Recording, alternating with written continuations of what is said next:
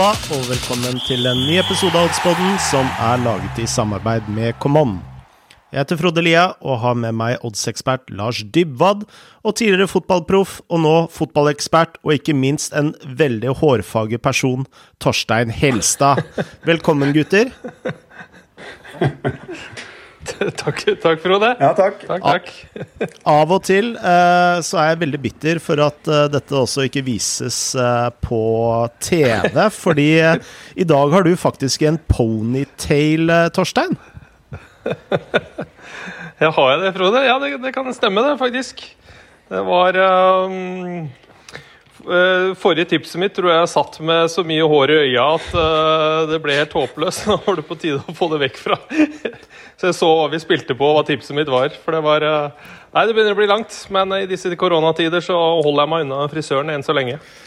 Bra. Og du, eh, Lars, du ser eh, pen og ny, nybarbert ut. Men ser jeg antydninger til et sånt Pearl Jam-nippeskjegg under leppa, eller?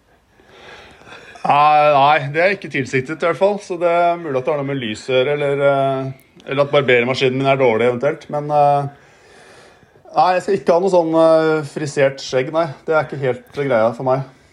Nei, så vi overlater uh, moteuttrykket til Torstein. Ja. Moteløven fra Hamar. Han er jo ikke Leeds-fan for ingenting. Det kan jo ikke holde med Leeds uten å ha en eller annen form for uh, lang frisyre. Nei, eh, det stemmer. Ja, dette er jo Leeds-frisyren, ja. Her er det den går for.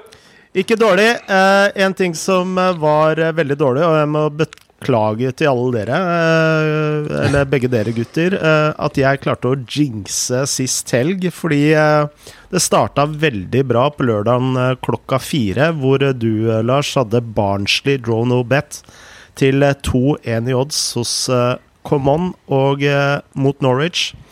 Og Barnsley vant den kampen 1-0, og da var vi veldig høye mørke høye og mørke, og jeg gikk ut på Twitter og sa at nå er vi på syvende uka i pluss eh, før Udinese Inter var spilt, og før Milan Atalanta hadde spilt.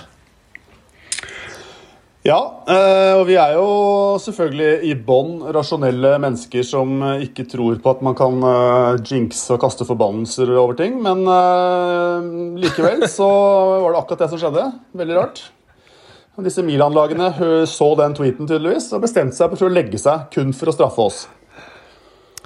Uh, Udinese og Inter og Milan og Atalanta de spilte på likt. Uh, jeg så Udinese-Inter, og jeg må jo bare si at selv om Inter hadde mye av spillet, så undervurderte jeg forsvarsspillet til Udinese be betraktelig. Inter var egentlig ikke Altså, de hadde masse målsjanser, men ikke sånne gigantiske. Og det var Hva er det Kjetil Rekdal pleier å si? Mye klabb og babb. Ball som kommer én meter bak spissen istedenfor én meter foran, sånn ganske gjennomgående i kampen. Så uh, det spillet var Selv om uh, det bare ble 0-0, så føler jeg at det spillet aldri var i nærheten til å, å gå inn, dessverre. Uh, noe jeg syns var veldig rart. Dette var en av de type spillene jeg var sånn helt sikker på skulle gå inn. Altså, dere kjenner sikkert den følelsen der at når du setter et spill hvor du er, du er veldig sikker Kan, kan, jeg si meg litt enig da, med, med, at jeg også så for meg at eh, selv med masse skader og utestengelser, at eh, Milan skulle være bedre enn det de var mot Atalanta. Men Milan de skapte så å si ingenting før de siste ti minuttene. Eh, det var fryktelig skuffende offensivt, altså. Og et ja, så er det et dumt straffespark, og det blir kontra litt på og sånn. og så men eh, vi diskuterte, dere Frode spurte vel oss også at eh, ja, de skal møtes onsdag eh, i cupen. og det så jo ut som de la veldig opp til det, for der smalt det jo veldig. Så det var litt sånn sånn Var det en viktigere kamp enn uh, jakten på seriegull? Det virka nesten sånn at det derbyet der var faktisk viktigere å vinne. Uh, ut, I hvert fall ut ifra jeg vet ikke, tempo og intensitet. I hvert fall ut ifra det Milan-laget fra helga til onsdag. Mm. Ja, for i den eh, cupkampen så smalt det jo virkelig mellom eh, Zlatan og eh, Lukaku, og det blei jo nesten mm. slåsskamp. Mm. Ja, det var uh, to svære karakterer som dundra skikkelig i totten på hverandre der. og ja, endte jo med utvisning for Zlatan, for så vidt. Det var vel ikke relatert til den krangelen, men uh, ja, Et episk uh, byoppgjør, slik byoppgjør skal være. Men det er vel uansett, ikke helt umulig. Så, ja. Uansett så endte klubb, nei, helgen opp i 0,9 enheter i minus, og La oss forsøke å komme inn på vinnersporet igjen, fordi vi hadde en veldig god run nå, Lars. Ja, vi hadde det. Og vi er jo fortsatt eh, nesten halvannen unit opp på 2021 i hvert fall. Og ja, det er opp på hesten igjen. Sånn går det. Mm. Milan-lagene feilet oss. Sånn er det bare. Men før vi kommer til helgens spill, så må vi minne om vår konkurranse. Og som er eh, Vi vil gjerne ha eh, forslag til eh, helgens spill. Så send gjerne inn forslag til helgens spill med argumenter, og bli med i trekningen av 500 kroner inn på din Common-konto. Og Forslaget kan du enten sende per e-post til postatoddsboden.com, eller bruk hashtag helgenspill til Common Norge på Twitter. Og vi, vi plukker ut to eller tre tre spill som vi publiserer på uh, på Twitter og Facebook på lørdag, og så plukker vi ut en vinner i påfølgende episode. Eh, og nå har vi kåra en vinner eh, fra sist episode, og vinneren han hadde under 2,5 mål i QPR mot Derby. Og den kampen endte 0-1, og den heldige vinneren er Ørjan Andreassen.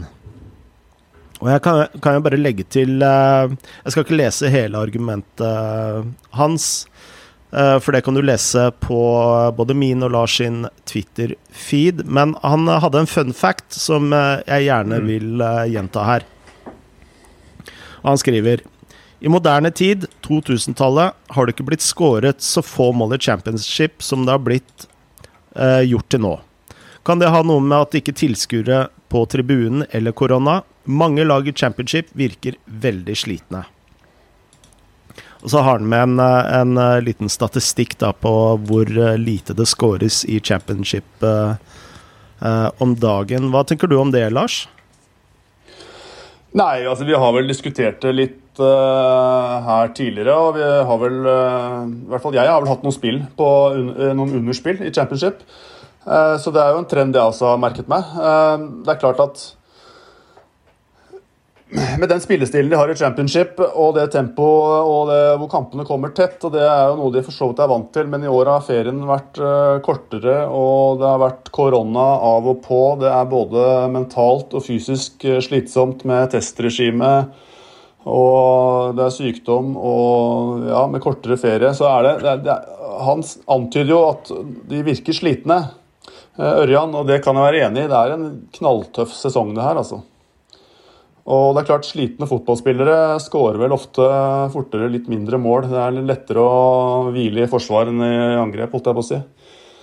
Så det er sikkert noen sammenhenger her. Eh, og dette med tilskudd også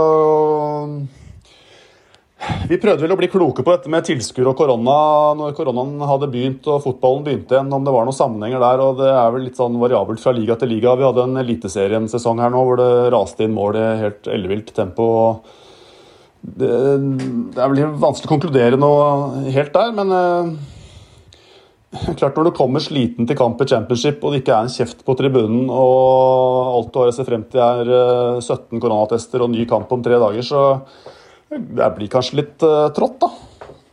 Mm. Jeg vet ikke. Det, vi, det, vi, har jo fakta på bordet. Det skåres mye mindre mål, og det er en trend som ser ut til å vedvare. og Så får vi se da, om det hjelper når våren kommer og kanskje det kommer noen gode nyheter for en skyld. Eh, om man liksom klarer å, å, slippe seg løs og øke det snittet mer. Men sånn som det er nå, så ser det ut til at det kommer til å vedvare. da. Men en, en effekt har det jo. Uh, hvis du ser på runde 20 i Premier League, av de kampene som er spilt, så er det én hjemmeseier. Mm. Ja.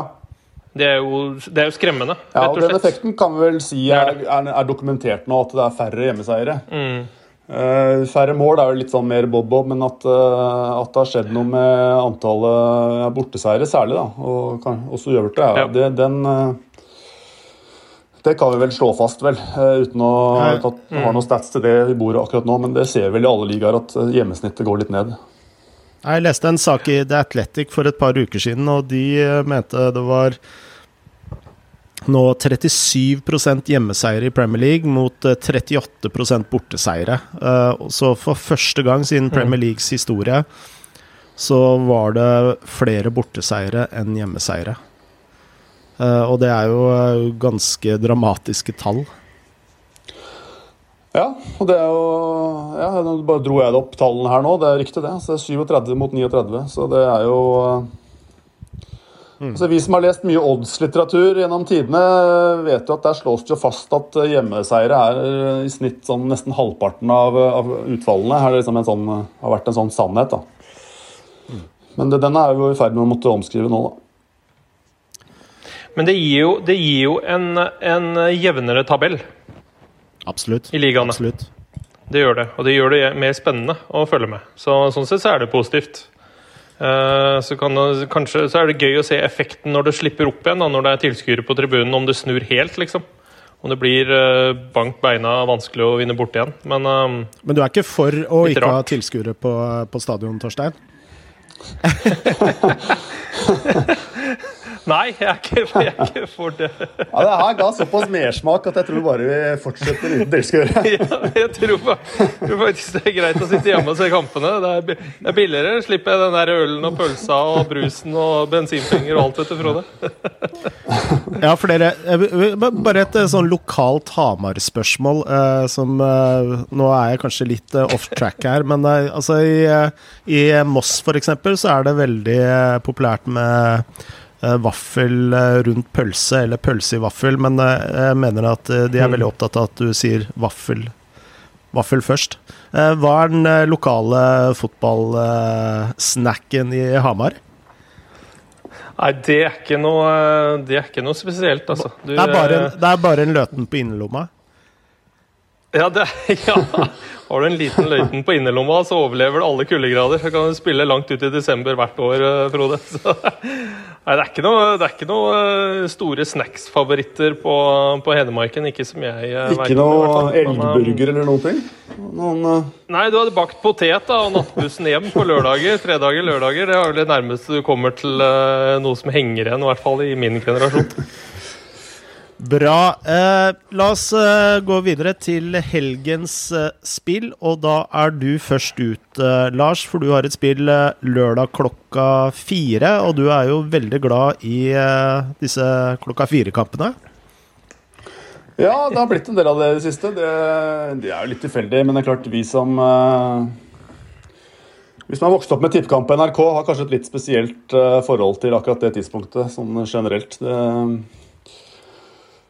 det, det, har vi jo. Men eh, det har ikke noe med dette spillet å gjøre. Eh, jeg har valgt meg ut eh, Manchester City hjemme mot Sheffield United. Som jo på papiret er en veldig opplagt kamp, og jeg spiller jo også i den retning. da. Jeg har lyst til å spille City med minus to i asiatisk handikap til 1,70. Eh, det er klart Jeg sitter jo og jobber med analyser til denne podkasten mye av onsdagskvelden mens jeg ser på fotball. og Jeg hadde vel egentlig landa det spillet når Sheffield United plutselig begynte å vinne eh, borte mot Manchester United. Eh, så det var jo det var litt interessant. Men så tenkte jeg at ok, det påvirker jo egentlig ikke det spillet her. Det er et par forsvarstabber og kanskje tvert imot. Nå fikk Sheffield United tre poeng der. og jeg tror ikke Lynet slår ned to ganger på rad. Så vi kjører på med City. Eh, de vant jo 5-0 borte mot West Brom tirsdag. Eh, drepte jo kampen fullstendig første omgang. Eh, og leder jo da Premier League. Spiller veldig godt nå. Mm. rett og slett. De har vel sju strake seire i ligaen nå, og begynner å ligne litt på det City-laget som vi husker fra et par år tilbake, og året før det igjen. Og det er egentlig tross at uh, ja, Jesus, Aguero og også De Bruyne, ingen av disse er med. Men uh, de har endret litt på oppsettet. Det var vel i etterkant av ja, Det var vel 1-1 mot West Brom før jul. Eh, så endret vel Guardiola litt med å spille med to mer tilbaketrukne spisser. Og Har brukt eh, Mares og De Bruyne og Stirling og Bernardo og Gundogan. Det er mange som har tatt den rollen. og og Jeg er jo ikke noen fotballtaktiker, da, men det jeg er opptatt av når det gjelder odds, er jo at det fungerer.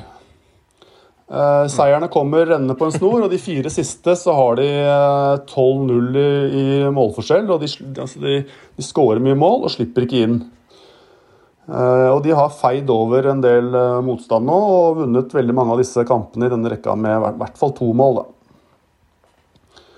Eh, jeg ser rett og slett ikke noen grunn til at ikke det skal fortsette mot Sheffield United. Og de har også en dag mer hvile, og de har en dag mer til neste kamp igjen i midtuka, som er borte mot Burnley, som ikke er noen sånn kamp de trenger å respektere noe voldsomt mer enn andre kamper. Og det, det, flyter så godt for eh, City nå at eh, jeg tror de kommer til å feie Sheffield United av banen. Og det tross at eh, Sheffield United, da, som jo ikke har tapt spesielt mange kamper med mange mål, men det er nesten bra at de vant mot United i går, for da måtte de legge veldig mye i den kampen. De måtte stå og løpe ut. De fikk en poengsjanse som jeg tror de ikke forventa. Og dermed så ble det ikke noe hviling der. Og de spilte fullt lag i cupen, nesten, eh, sist helg. Og så får de nå disse to Manchester-kampene, som kommer til å ta en del krefter. Og så har de en utrolig viktig kamp uh, allerede tirsdag vel, mot West Bromwich, som er en sånn must win-kamp for dem. Ja, det er en sekspoenger. Det er en sekspoenger, og den er vel egentlig hovedargumentet mitt, nesten. For jeg tror at Sheffield United vil ta Uh, ikke lett på denne kampen, men at de lett vil tenke praktisk da, hvis de får en, en eller to i sekken og kanskje kan fort tape med tre-fire mål. Altså, jeg vet ikke så mye om hvordan manager tenker, og poeng er poeng, men det er åpenbart at det står to streker under den eh, West Brom-kampen. Jeg kan tenke meg at Wiler tenkte at ok, den United-kampen der alt der er bonus. Uh, vi får se. Ligger vi under, så bytter vi litt, og så hviler vi litt til City, og spesielt til West Brom. Men så ble det en kamp hvor det plutselig ble poengsjanse, og dermed så gikk det en del krefter der. Mm. Så jeg ser for meg at denne City-kampen blir et slags hvileskjær for United. Jeg kan jo også legge til at uh, City har jo uh, mange, uh, mange, spillere som er i, i, fantastisk form. Og som du nevnte Gundugan. Jeg har aldri sett den så bra som altså de siste ukene nå. Han er jo Maradona og Messi på en gang. Ja, han spiller helt fantastisk, og, og hele laget nå flyter jo veldig godt med det nye oppsettet.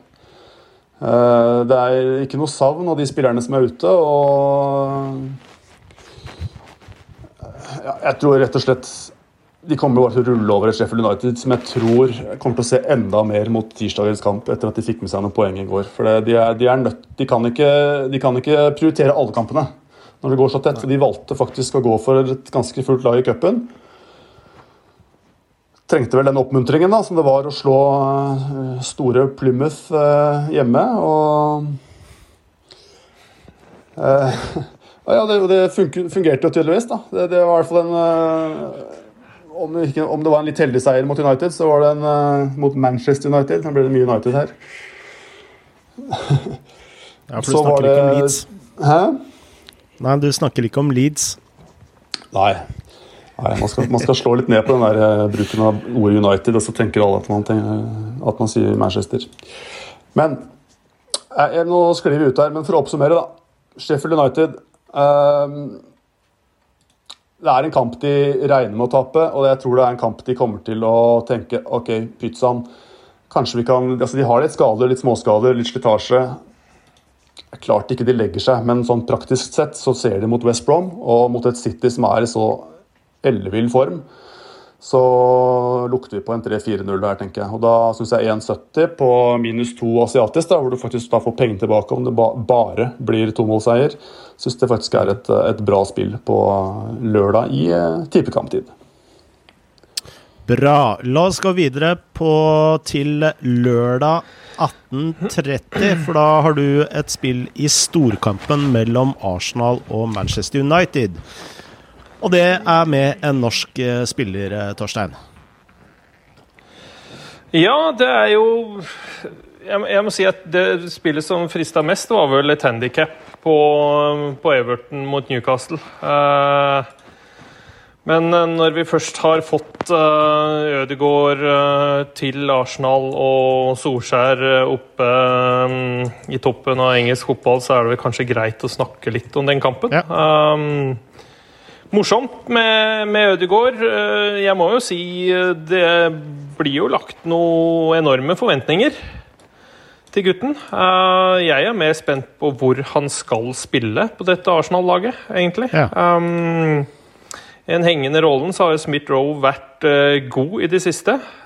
Saka er vel Arsenals beste spiller som venstre kant. Aubameyang er tilbake nå etter har vært hjemme hos sin mor med litt sykdom i to kamper, men han meldes å skal være tilbake igjen mot eh, United, og da ser jeg ingen plass. Eh, han tar ikke eh, plassen til Partey eller Saka Shaka midt sentralt heller, så det jeg er litt spent på hvor de har tenkt å bruke Ødegaard i det hele tatt på dette laget. Ja. Så øh, Og så får de øh, Og så er de jo Jeg må jo si Arsenal er jo i god form. Mm. Det er de. Uh, en sterk, sterk borteseier mot Southampton. Begynt å skåre mål igjen. Litt sånn Arsenal som vi er vant til å kjenne igjen. Nå har de plutselig begynt å bruke kantene sine i et bakrom. Mm. Uh, og Det er jo det vi er kjent med Arsenal gjennom. og Lacassette har jo begynt å bli satt opp uh, foran mål, ikke bare feilvendt. Og det er jo der uh, Manchester det, United har sine svakheter. Altså i bakrom ja, bak det er bekkene. der Bak bekkene sine. Um, og det er litt sånn men Ole Gunnar er vel litt, kommer mot gode lag på bortebane, så legger han seg lavt og vil kontre. Det er jo litt sånn der, hvordan han har likt å spille, i hvert fall på bortebane. Det er jo de United er det beste bortelaget eh, i Premier League. Eh, og De har vært eh, defensivt stødige, men de har skåret en del. Og så har de hatt tur, og det sa han jo etter postmatch-intervjuet i går når de tapte for Sheffield United. også at de har jo hatt marginene med, og masse sånn tighte seire på bortebane. Men at de har stått ganske stødig fordi de har ligget så lavt. Mm. Uh, nå kommer de til uh, Ja, skal møte Arsenal etter å ha tapt for Sheffield United. Uh, jeg tror de har lyst til å angripe litt mer. etter å ha tapt på hjemmebane mot båndlaget i Premier League. Ja. Så at du får kanskje litt mer åpnere kamp da, enn man kanskje hadde forventa med gamle, eller de United som har vært på bortebane i siste. Mm. Så um, det er to lag som skårer. United skårer bra med mål på bortebane. Arsenal har begynt å skåre mål igjen, sånn som vi er vant til, og er i god form. Um, og så forventer man jo at uh, ikke sant? Jeg vil tippe da, at det blir veldig mye uh, kjas og mas med to nordmenn mot hverandre i Premier League igjen. og mye skriverier. Det har jo allerede begynt da, i norsk presse, men det har vel begynt litt i engelsk presse også. Så um, Derfor er det litt gøy da, å ta med den kampen, egentlig. Uh, og du får jo Hos Common så får du over 2,5 mål til 1,83, er det det vel det står hos nå. Mm. Uh, det er ikke noen 0-0-kamp, det her. Det, det, ser jeg ikke for meg. Og det har vi stort sett snitta litt også, i rundt tre mål i de med de laga her i de siste kampene. Så selv om eh, Nå er det vel slapp United inn to mot Sheffield, slapp inn mot Fulham borte også, ett mål. Ja. Så mm, de er ikke helt stødige, og nå møter de en angrepstrio som er bedre enn det Sheffield og Fulham sin er. Så mm. og United med Jeg vil tippe at kanskje Kavani er tilbake og starter. Og eh, Bruno har litt å bevise for han var ikke stor mot Sheffield. Eh, Og også noen bytter eh, sentralt, vil jeg tippe, at uh, kommer inn der. Um, det er litt gøy da United jakter mål hjemme mot uh, Sheffield United, så kommer Luke Shaw inn på venstreback. Så det er sånne morsomme bytter som Ole Gunnar holder på med. Det er underholdende for oss som sitter og ser på og klapper for fine resultater for, uh, på en onsdag kveld. Men um, det kommer til å bli Jeg tror det kommer til, og håper jo, det pleier å være underholdende de kampene her, selv om de er tette jevne. Mm. Og det er alltid mål i de kampene. Så um, nei, over 2,5 mål. B Hos Common til 1,83. Bra. Uh, Få høre med dere. Er det meg. Uh, sorry, Frode, men jeg ser at Common har et par sånne spesialer på, uh, på Martin Ødegaard. De har tre i odds på at han skårer Mm. fire mål eller mer. Og så har de to i odds på at han gir fire eller flere assists. Uh, jeg tenker vel sånn umiddelbart, da, uten å ha noen sånn dyptpløyende analyse akkurat, at hvis han, hvis han Selvfølgelig alt avhengig av spilletid her, da, men uh, Så Smith Roe har vel uh, han har vel uh, hooka opp tre sist på de seks kampene han har spilt. så klart Hvis Martin Ødegaard får mye spilte i den posisjonen, i Arsenals system, så er det gode sjanser for denne sist-oddsen, i hvert fall. Men uh, hva tenker dere? Det er klart, al- Alt avhengig av spilletiden her. Han er ikke noen målskårer, Ødegaard. da. Han har ikke vært, i hvert fall. jeg tror jeg hadde venta til, ja, jeg jeg ventet til å se hvordan de vil bruke ham, uh, Ja. og om han klarer å spille seg inn. Uh, kanskje se en kamp, og så gjør han det bra der. Så er kanskje uh, assist-spillet et uh, godt alternativ. Mm. Men da mister du kanskje noe av verdien på oddsen, da. Jeg veit ikke. Nei, Spillestopp her er jo da lørdag, da, så vi får se, da må det eventuelt komme et nytt spill. da, så Da justerer de kanskje. Så De, de, tar, de, de tar jo de samme forhåndsreglene her. De vil jo at man skal spille i uvitenhet, på en måte. Han kommer til å få et innhopp mot United uansett. Eh, og har du en åpen kamp der eh, kanskje Arsenal eh, leder, så får han jo mer rom å operere i. Leder United, så blir det jo minimalt med rom. sånn som Ole Gunnar har likt å spille på bortebane. bortebane. Så det, det er jo litt sånn Men du veit jo det fra Sociedad-tiden, at han er en sånn spiller som kan åpne opp forsvar. Og med, med hurtige kantspillere, sånn som Arsenal liker å spille nå, så kan han jo også passe perfekt inn. Uh, og Så spørs det om det går fort nok, da. Uh, det er et par hakk opp fra La Liga til, uh, til Premier League på intensitet og hvor mye fortere ting skjer. Og det har jo spillere sagt som har tatt samme veien før. Så um, det er litt spennende. Og så er det jo lenge siden Du må ikke glemme at det er lenge siden han har spilt kamp. Det er også litt, ikke sant. Du skal eh, inn i et tempo som er høyere enn det du er vant til. Eh, og så har du mye forventninger på skuldrene dine, så du skal liksom Han må jo inn og prestere ganske kjapt, da. Eh, Det er ikke sånn at du får åtte kamper på deg for å spille deg varm. Det skjer ikke. Og der er ikke forventningen heller, så um, Nei, han, det er jo en liten bør som henger på de skuldrene der. Så det hadde vært veldig gøy hvis han kom inn og vært avgjørende egentlig fra første kamp av. Hva tenker du uh, forskjellen fra La Liga til Premier League? Altså, vi- når jeg har sett eh, Martin Øde- Ødegaard for eh, Real Madrid, så er jo en del av den der defensive jobbingen han, Det å følge spillere uh, altså hjemover. Mm. Eh, For i Real Madrid så har du jo spilt mye mer mannsmarkering enn det han har vært vant med tidligere. Hvordan Mm. tror du det vil passe Martin Ødegaard i Arsenal? Den jobben som blir lagt ned, i hvert fall Smith-Rowe når du ser bort mot Southampton, det er mye løping. Og den har jo Ødegaard klart. Det er liksom, han er jo en godt trent gutt, så det, det er ikke noe problem. Men den defensive jobben som er eh, for den skal vi si fremre trioen, da. Det er jo det er mye løping, mye dekking av rom. Eh, så har han jo to eh, defensive midtbanespillere bak seg som er eh, rimelig bra og blir bare bedre og bedre, egentlig, hos Arsenal nå. Ja. Eh, I hvert fall de siste kampene. Um, men det blir nok å Jeg vet ikke, du blir jo jagende litt uh, Sånn som Pogba og Det kommer litt an på hvem andre som spiller sentralt da, på, på United, så klart. Ja. Men jeg tror ikke, det, er ikke, det, er ikke, det er ikke sånn at uh, når man kommer ikke til å mannsmarkere, sånn som vi har sett i uh, Sånn som Tiago ble tatt ut uh, for eksempel her i en, i en kamp, liksom. Det var mot Burnley at de tok ut Tiago sånn Han har du. Det kommer ikke til å skje. Nei. Men den fronttrioen, fireren, det er, det er mye løping. Du, men da skal du fortsatt ha sprut i beina da, til å klare å kanskje gå av en mann og så sende den stikkeren. Ja. Det er litt sånn tempomessig fra ikke spilt på veldig lenge til å gå inn i det tempoet som er i Premier League. Det er, eh, og det er tøft fra før av mm. også. Bra. Eh, la oss gå videre. Og eh, søndag 17.30, da har jeg et spill.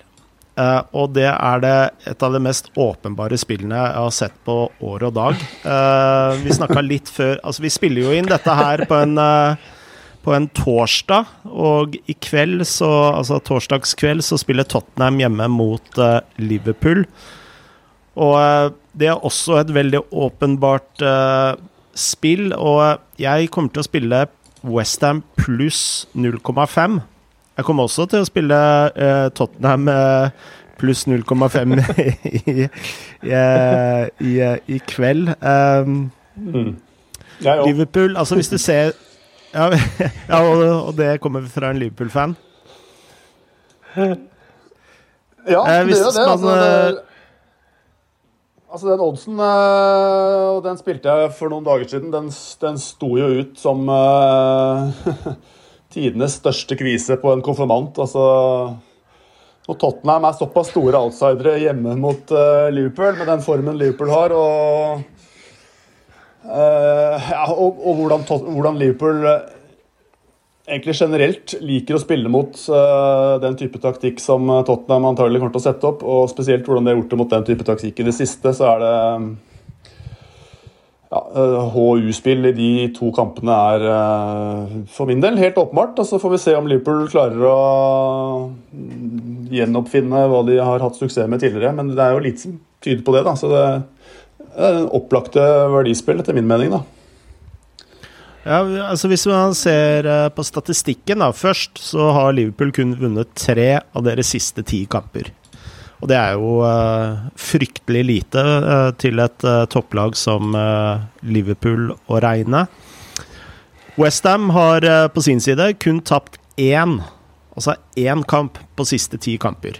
Og ligger også over Liverpool mm. på tabellen.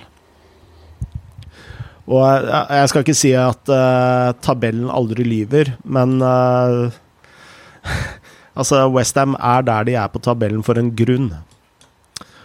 Uh, I tillegg til kun å ha tapt én på de siste ti kampene, så har de vunnet seks kamper på rad nå. Så det er et Westham-lag i kanonform. Og de ser veldig freshe ut, og særlig Antonio syns jeg har kommet inn som et uh, friskt uh, pust, og, og, han ser virkelig ut som å være i uh, toppform. Altså, han var jo lenge skada og kom jo tilbake i Westham-laget sånn rundt midten av desember, var det vel?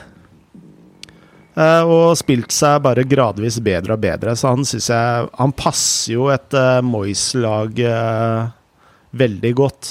Og ja, så han uh, eh, syns jeg har blitt veldig god.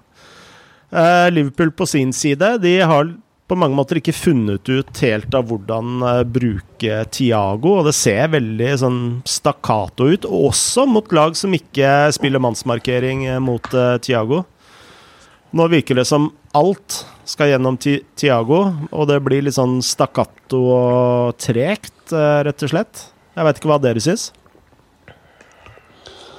Nei, det er, det er, på en måte ikke noe rytme i spillet lenger. og uh, Stakkars Thiago fikk liksom et par kamper uh, så vidt. Så ble han skada, så kommer han inn igjen uh, i et lag som ikke fungerer overhodet. Og så forventes det liksom at han skal fikse alle problemer som knapt har spilt i en Liverpool-trøye. Det, Uh, han gir alt, Tiago, men uh, det er ingenting som flyter rundt han heller. Så um, jeg er enig. Det går tregere. Det er mye mer feilpasninger. Det er ikke noe rytme i spillet. De er tydelig usikre på de bak. Og, og ja, det er et lag som ikke henger sammen, rett og slett. Ja, fordi de har Jeg må si det største, ja, det største problemet til Liverpool er jo bekkene. Ja. Alexander Vi er vant til bekker, bekker med x antall tosifra med assist, uh, skåringer. Det er, eh, det er fraværende. Mm. Det er liksom det vi er vant til når det glir for, uh, for Liverpool. Ja, for det er jo veldig mange nøkkelspillere som er, virker helt ute av form. Spesielt Alexander Arnold uh, syns jeg har blekna fullstendig den uh, siste tiden. Og i tillegg, det, det, i tillegg til alle fraværende i uh, midtforsvaret, Williams og Fabinho så jo ut som gåser på glattisen mot uh, Manchester United, iallfall. Ja, det, det henger sammen, da, for det, det går utover Sala. ikke sant? Når Trent er dårlig, så går det utover Sala. Eh, som plutselig Det er enklere å ta ut Sala, ettersom Trent ikke kommer lenger. Eh, det fungerer litt bedre på andre kanten med Mané og sånt, men eh, høyresiden har jo, vært, er jo borte. Og det er jo den som har vært den eh, store. Og så har du en spiss som er øh, Han må jo ha fått den der covid-sprøyta, for han er jo Han skårer jo ikke mål. Det er jo helt vilt. Så, eh, så den covid-sprøyta er egentlig en sånn eh, allergipille mot uh, mål. Det virker sånn, virker sånn på Fermino. Altså. Men uansett, hovedargumentet mitt det er jo at eh, Liverpool skal ut i en veldig tøff bortekamp eh, nå i kveld mot Tottenham. Eh, Og de vil da kun ha tre dager hvile før de møter et beintøft Westham. Med andre ord, altså, de vil ikke være 100 restituerte og eh, klare på kamp. Altså, når du også legger på den der belastningsskaden denne sesongen er, da. Så eh, Ja, altså, ja, Westham har to dager ekstra hvile. og Det er, det er ganske vesentlig. For det Liverpool-laget som er nå, ikke sant? det går trått på banen. eh, De er, både, de er, de er utafor. Altså, det er klart det koster en sånn sesong som de hadde sist. Eh, fantastisk sesong. Eh, de hadde Det er vel ikke uvanlig at man får en slags reaksjon på en sånn eh, sesong som de hadde sist, hvor det, hvor det gikk så til de grader bra. Og allerede, Vi så jo allerede etter koronapausen at eh, det var ikke helt det samme Liverpool-laget. Sånn som Arnold begynte vel å, svikte allerede da, egentlig. Altså det, resultatene til Liverpool etter koronapausen det er klart Der er det mye som spiller inn. De leda med 1000 poeng også i Premier League, så det, kan ha vært litt sånn at man tar ting for gitt. Men uh,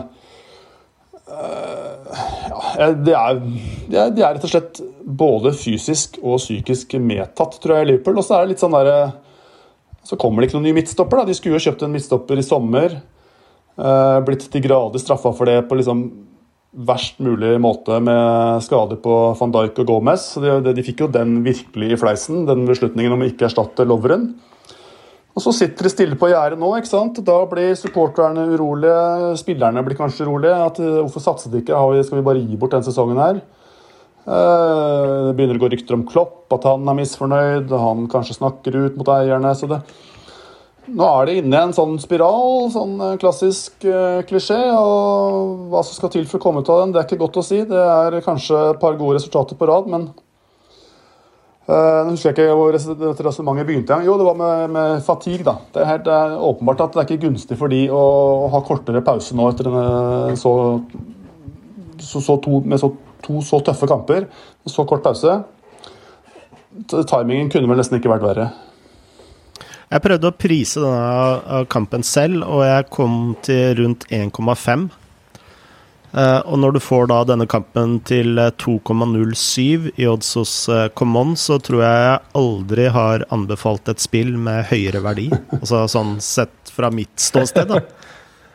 Uh, så uh, Det, det, det eneste som peker imot det, Frode, er jo at du tipper hjemmeseier. Ja, riktig. Det er det eneste. Så Nei, Det er interessant, for alt støtter det, da, både form og tabell. og det har jo vært, eh, nå vet Jeg jeg har jo lest mye oddslitteratur den tiden. da, Jeg har bl.a. lest en bok som gjorde en undersøkelse hvor de testa eh, liksom verdien av å lese form opp mot overordnet tabell. altså Man, man så liksom på hvor mye betydde kortsiktig form i tipping kontra tabell. Og det de kom til, var vel at, at stort sett så var det liksom sesongen som helhet som, eh, som var det viktigste å lese ut av. Det var ikke sånne store forskjeller, men, men form kan være litt mye tilfeldigheter, misvisende osv. Men her har jo begge deler, altså tabellmessig også. altså Tottenham er ett poeng bak uh, med én kamp mindre spilt. og Likevel så er de svære outsidere. og ja, Hjemme og hjemme, bla, bla. Men mm. ja, det er et eller annet som ikke henger på greip her. så Jeg er mye mer enig i din uh, oddssetting, Frode, enn den som ja, Camon opererer med her. da, Men det får vi håpe er godt for oss spillere, da. Ja, Der er du inne på noe veldig interessant. da, altså Form kontra tabell. Og jeg tror, som vi også har snakka om mye her, da, det å se bak resultater altså, er viktig. Så det er enda viktigere enn å se, se, form mot tabell, men se bak resultatene. Har det vært en uheldig, uheldig seier, eller har det vært en heldig seier? Uh, så uh, Men jeg kan ikke se at uh, Westham har vært sånn altså såkalt flakselag, og at Liverpool har vært et såkalt uf uflakslag. Hvis det gir mening?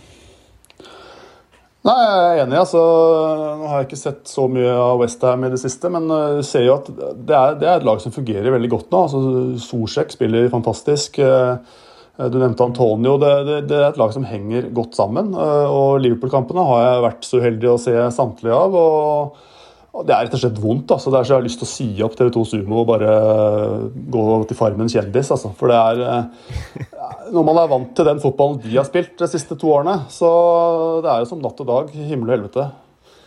De har, de, er liksom, de har kanskje krasja i egen suksess eller et eller annet. Det er mange faktorer her, men.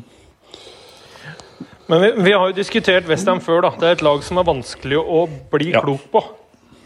Eh, men nå har de plutselig fått det til å stemme defensivt også. Eh, ikke sant? Så da er jo Westham plutselig der oppe, de, og konkurrerer om uh, medalje. Ja, det å få, si det, det å få Fabianski tilbake uh, i mål, ja. det har vel vært ganske avgjørende for uh, Westham. Mm. Så um, det er nå så. Men uh, når vi snakker om Eller for å komme oss videre i sendingen her, favoritt i fare, så er vel da Liverpool den åpenbare favoritten i fare, eller har vi noen andre kandidater? Nei, Jeg kunne tenke meg å spille inn eh, et par, faktisk. Eh, eh, Roma spiller hjemme mot Verona på søndag. Roma ja. er jo et lag vi sa en del positivt om for noen uker siden, men de har, de det går litt tregt med Roma nå. De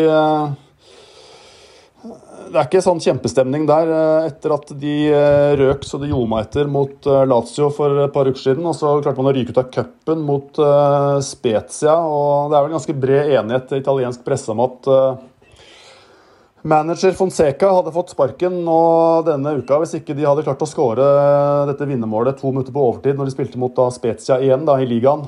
Vant 4-3. Mm, mm.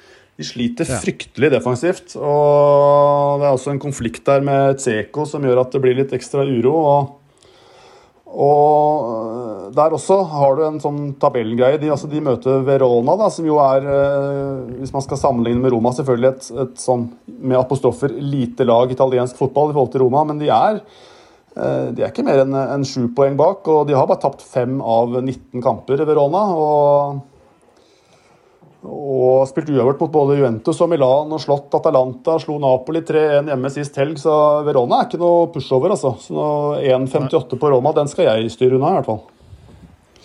Hva tenker du om Dortmund eh, til 1,25-ish eh, mot eh, Augsburg? Ja, Tyske ligaen har jeg sett lite på denne uka. Jeg vet ikke om du har noe å spille inn der, Torstein. Det er klart Jeg har jo fått med at Dortmund ikke akkurat kjører smertefritt. Nei, det gjør de langt ifra. Um, de kjører, de kjører eh, ok smertefritt offensivt og forferdelig defensivt. ja. Det er litt sånn der jeg kjenner og det, det så du på, på intervjuet med, med Braut nå etter forrige, forrige kamp, når de tapte 4-2. At uh, ok, det var et bedre lag enn Augsburg. De, de møttes så klart, men de henger ikke sammen uh, defensivt. altså. Det gjør de ikke. Det er litt sånn kjenningsmelodien, for det gjorde jo, det var en stund at Bayern München heller ikke gjorde det. Eh, og sleit. Nå har Bayern fått, uh, fått koll på det, og da er det jo ingen som slår dem lenger. Men uh, Dortmund, altså, med Hummels Nå var jeg litt breia på Twitter og sa at til og med jeg kunne løpt ifra Hummels i en kamp her. Han så, ja, men det så forferdelig treigt og seint og liksom sånn herre ja, eh, så ille er det ikke. Men eh, det er noe som ikke stemmer. Det er det ikke til å være, til å være det Dortmund som vi er vant til å se. Så, men jeg tror de ser bedre ut offensivt, da. Og det er jo litt sånn at jeg tror nok de vinner den kampen her. Men mer på det offensive enn det defensive. Da har vi i hvert fall nominert to kandidater til favoritt i fare. Ja, jeg tenker også sånn helt kjapt at eh, Barcelona til 1.34 hjemme mot et Bilbao som de akkurat både tapte mot og slåss mot mm. I eh, supercupen, heller ikke er noe spill å sette penga på. Altså, for det, det, er rett og slett for tynt. Og Der er det ondt blod og det er mye artig rundt, så det er altfor lite, mm. alt for lite med 1.34 hjemme der. Bra. Da er vi i mål, gutter. Ja. Det, det går fort i, i hyggelig lag. det gjør det. Da er det ja. bare å komme seg tilbake til kone og barn og, og helvete. Ja. Vi, skal vi få minne om konkurransen vår, da? Eh, send inn spill til oss på spillforslag med gode begrunnelser. Det er altså begrunnelsen som eh, vinner her, ikke nødvendigvis eh, vinnende spill. Eh, til eh, post at eh, oddspodden.com eller på Twitter med hashtaggen 'helgens spill'. Kjøp og bli med. Det vanker 500 kroner i gevinst til vinneren hver uke. Og med det så sier vi adjø og lykke til med spillene. Takk for i dag.